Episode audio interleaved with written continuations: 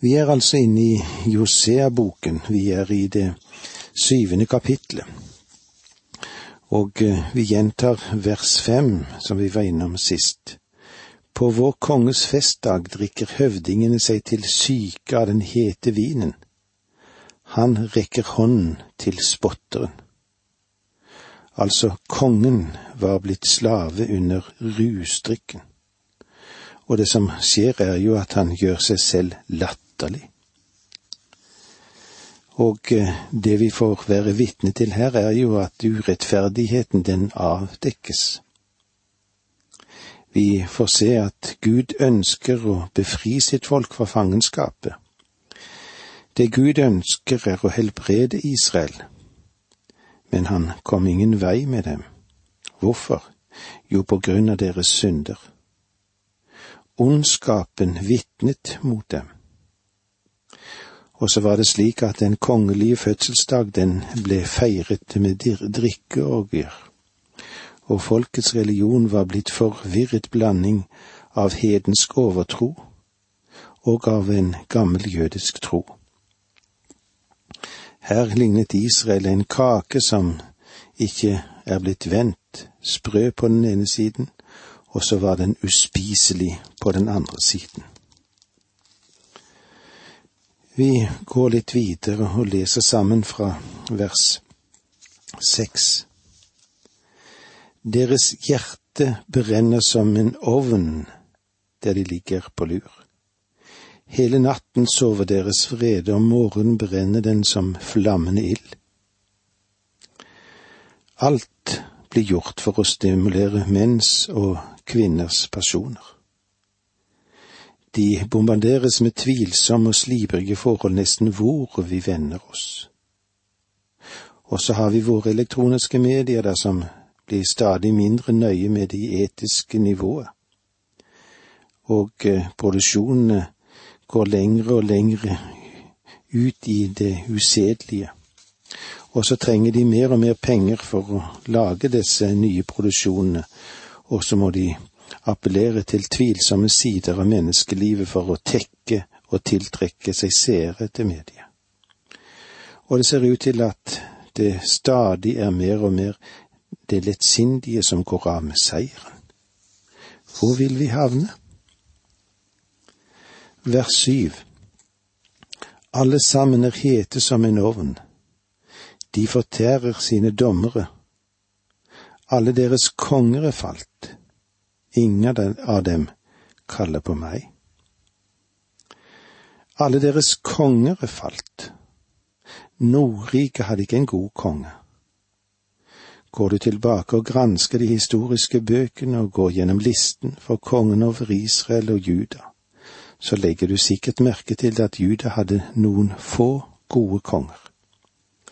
Faktisk så var det fem av judakongene som ledet an i den etiske og i den åndelige vekkelse i folket under den regjeringstid som de da hadde.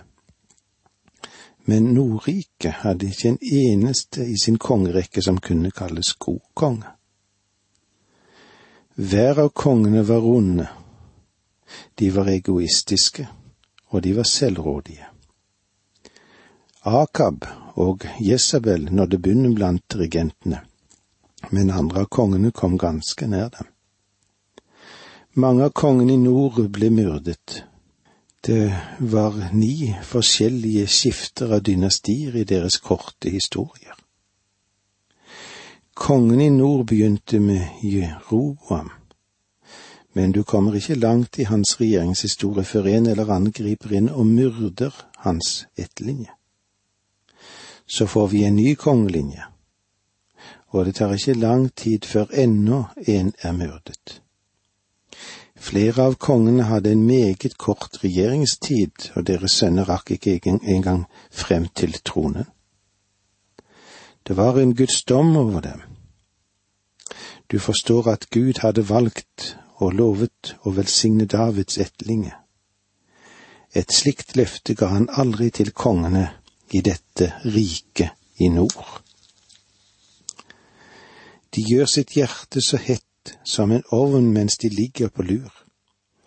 Hele natten sover deres baker, men om morgenen brenner den som luende ild. Alle sammen blir de hete som en ovn og fortærer sine dommere. Alle deres konger er falt, det er ingen iblant den, dem som kaller på meg. I vers åtte leser vi slik. Efraim blander seg med folkene.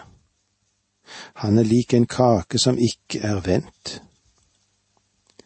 Efraim blander seg med folkene.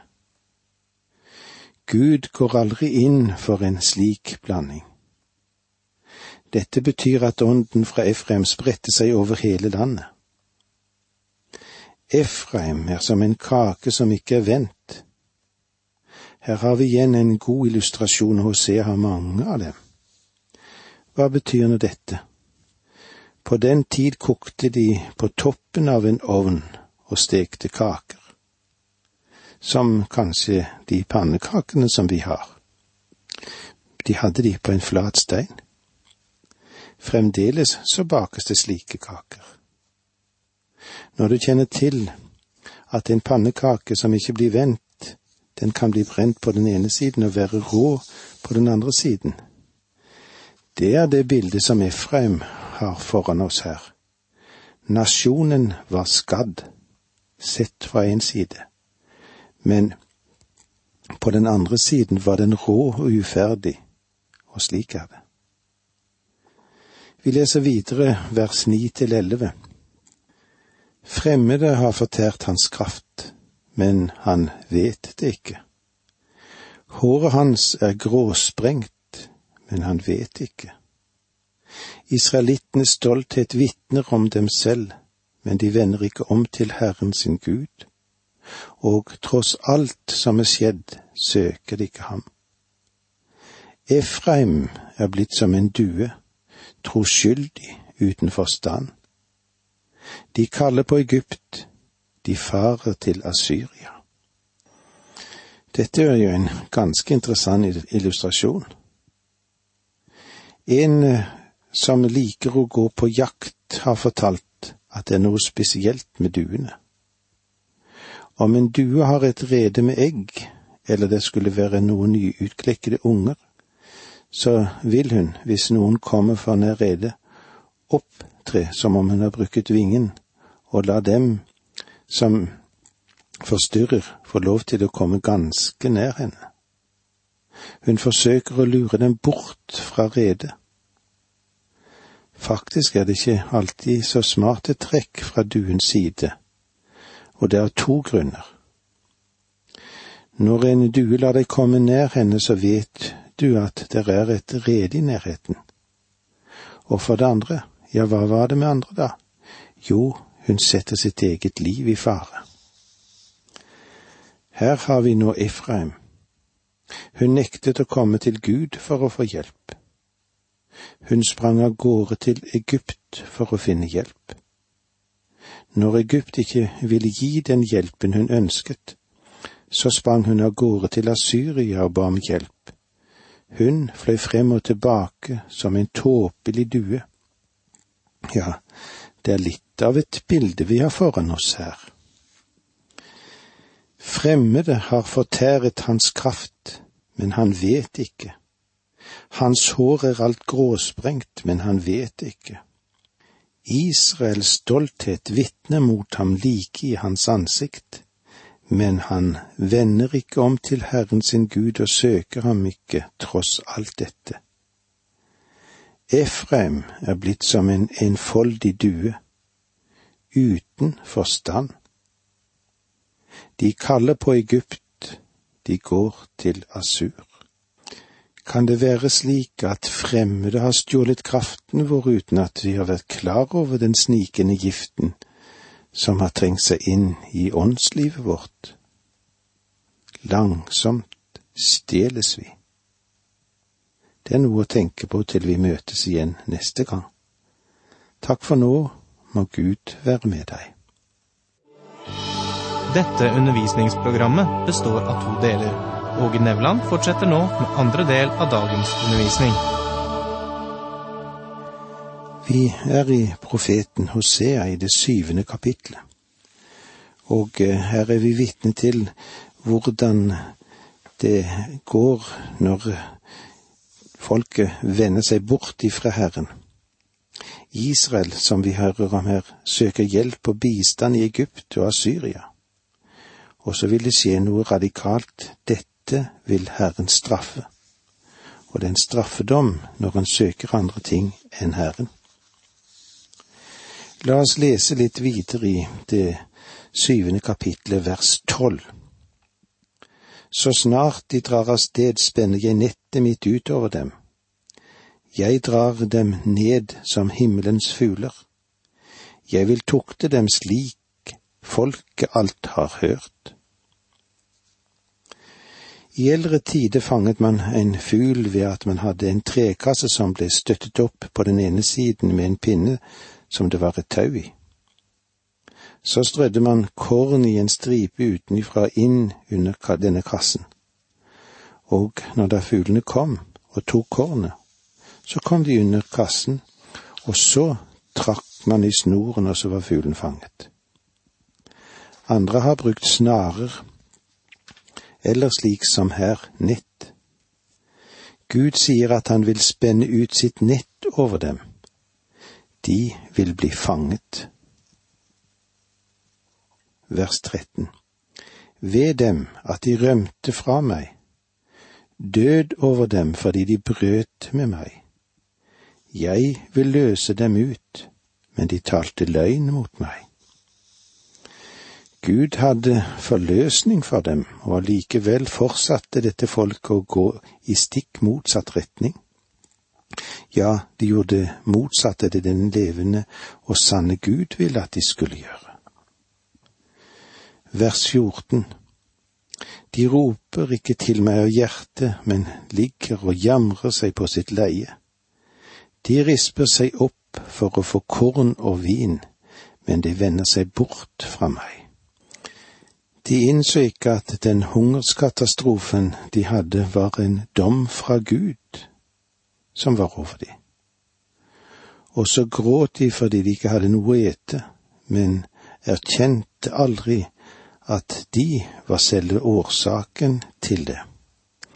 Ved dem at de flyktet bort fra meg, ødeleggelse over dem fordi de er falt fra meg. Jeg vil forløse dem, men de talte løgn mot meg. De roper ikke til meg fra hjertet, men de ligger og hyler på sitt leie. De trenger seg sammen for å få korn og most, men de vender seg bort fra meg. Vers 15 og 16 Det var jeg som lærte dem opp og ga deres armer styrke, men de tenkte ut ondt mot meg. De vender seg til det som ikke gagner. De er blitt lik en bue som ikke duger. Deres høvdinger skal falle for sverd fordi de forbannet med sin tunge. For dette blir de spottet i Egypt. De er blitt lik en bue som ikke duger. Du legger en pil på buen for å skyte og strengen ryker, eller at buen brekker rett av. Det er en bue som ikke duger. Du kan ikke stole på den. For dette blir de spottet i Egypt. Han sier at Egypt vil begynne å latterliggjøre dem og spotte dem for måten de handlet på, og tar ikke lenger Israels folk på alvor. Det er ikke vanskelig å slutte seg til at dette er en alvorlig del av Guds ord. Hosea, han var nok ikke den mest populære profeten i sin tid. Han ville ikke bli populær om han levde i dag heller som en profet, tror du det?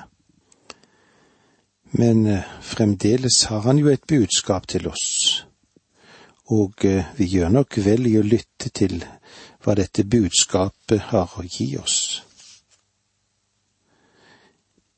Det er jeg som har lært dem opp og som har styrket deres armer, men mot meg har de ondt i sinne. De vender seg, men ikke mot det høye. De er blitt som en sviktende bue. Deres høvdinger faller for sverdet, for rasende tunges skyld. Dette blir for dem til spott i landet Egypt. Hva er det som skjer? Jo, langsomt kommer kulden inn og eh, tar over det kokende vann, om vi kan si det på den måten. Langsomt, langsomt slår soppen opp teltet sitt i høstskogen. Langsomt setter alderdommen sitt preg på ansiktet. Slik minsker også den åndelige kraften hvis vi ikke våker og ber. Når kraften blir borte, er vi like enfoldige som duen, som flyr rett inn i snaren. Like ubrukbare som en sviktende bue i en skytters hånd. Det er ting som vi bør tenke gjennom, både du og jeg. Nå var vi altså gjennom kapittel syv, og vi går inn i kapittel åtte. Profeten hadde ikke bare et lokalt eller nasjonalt budskap, men det er et budskap som strekker seg fremover og også inn i vår tidsalder. Men deres budskap er ikke rettet egentlig til oss. Men eh, går vi til Hosea og Jeremia, så er det få profetier som passer seg mer inn, eller tilpasser seg mer inn i vår egen situasjon enn det de gjør. Hver av disse profetene sto frem og profeterte i en tid da nasjonen gikk mot stupet. Og budskapet deres burde være et alarmsignal også til oss som lever i dag. Og eh, jeg har en merkelig følelse av at det ikke vil skje.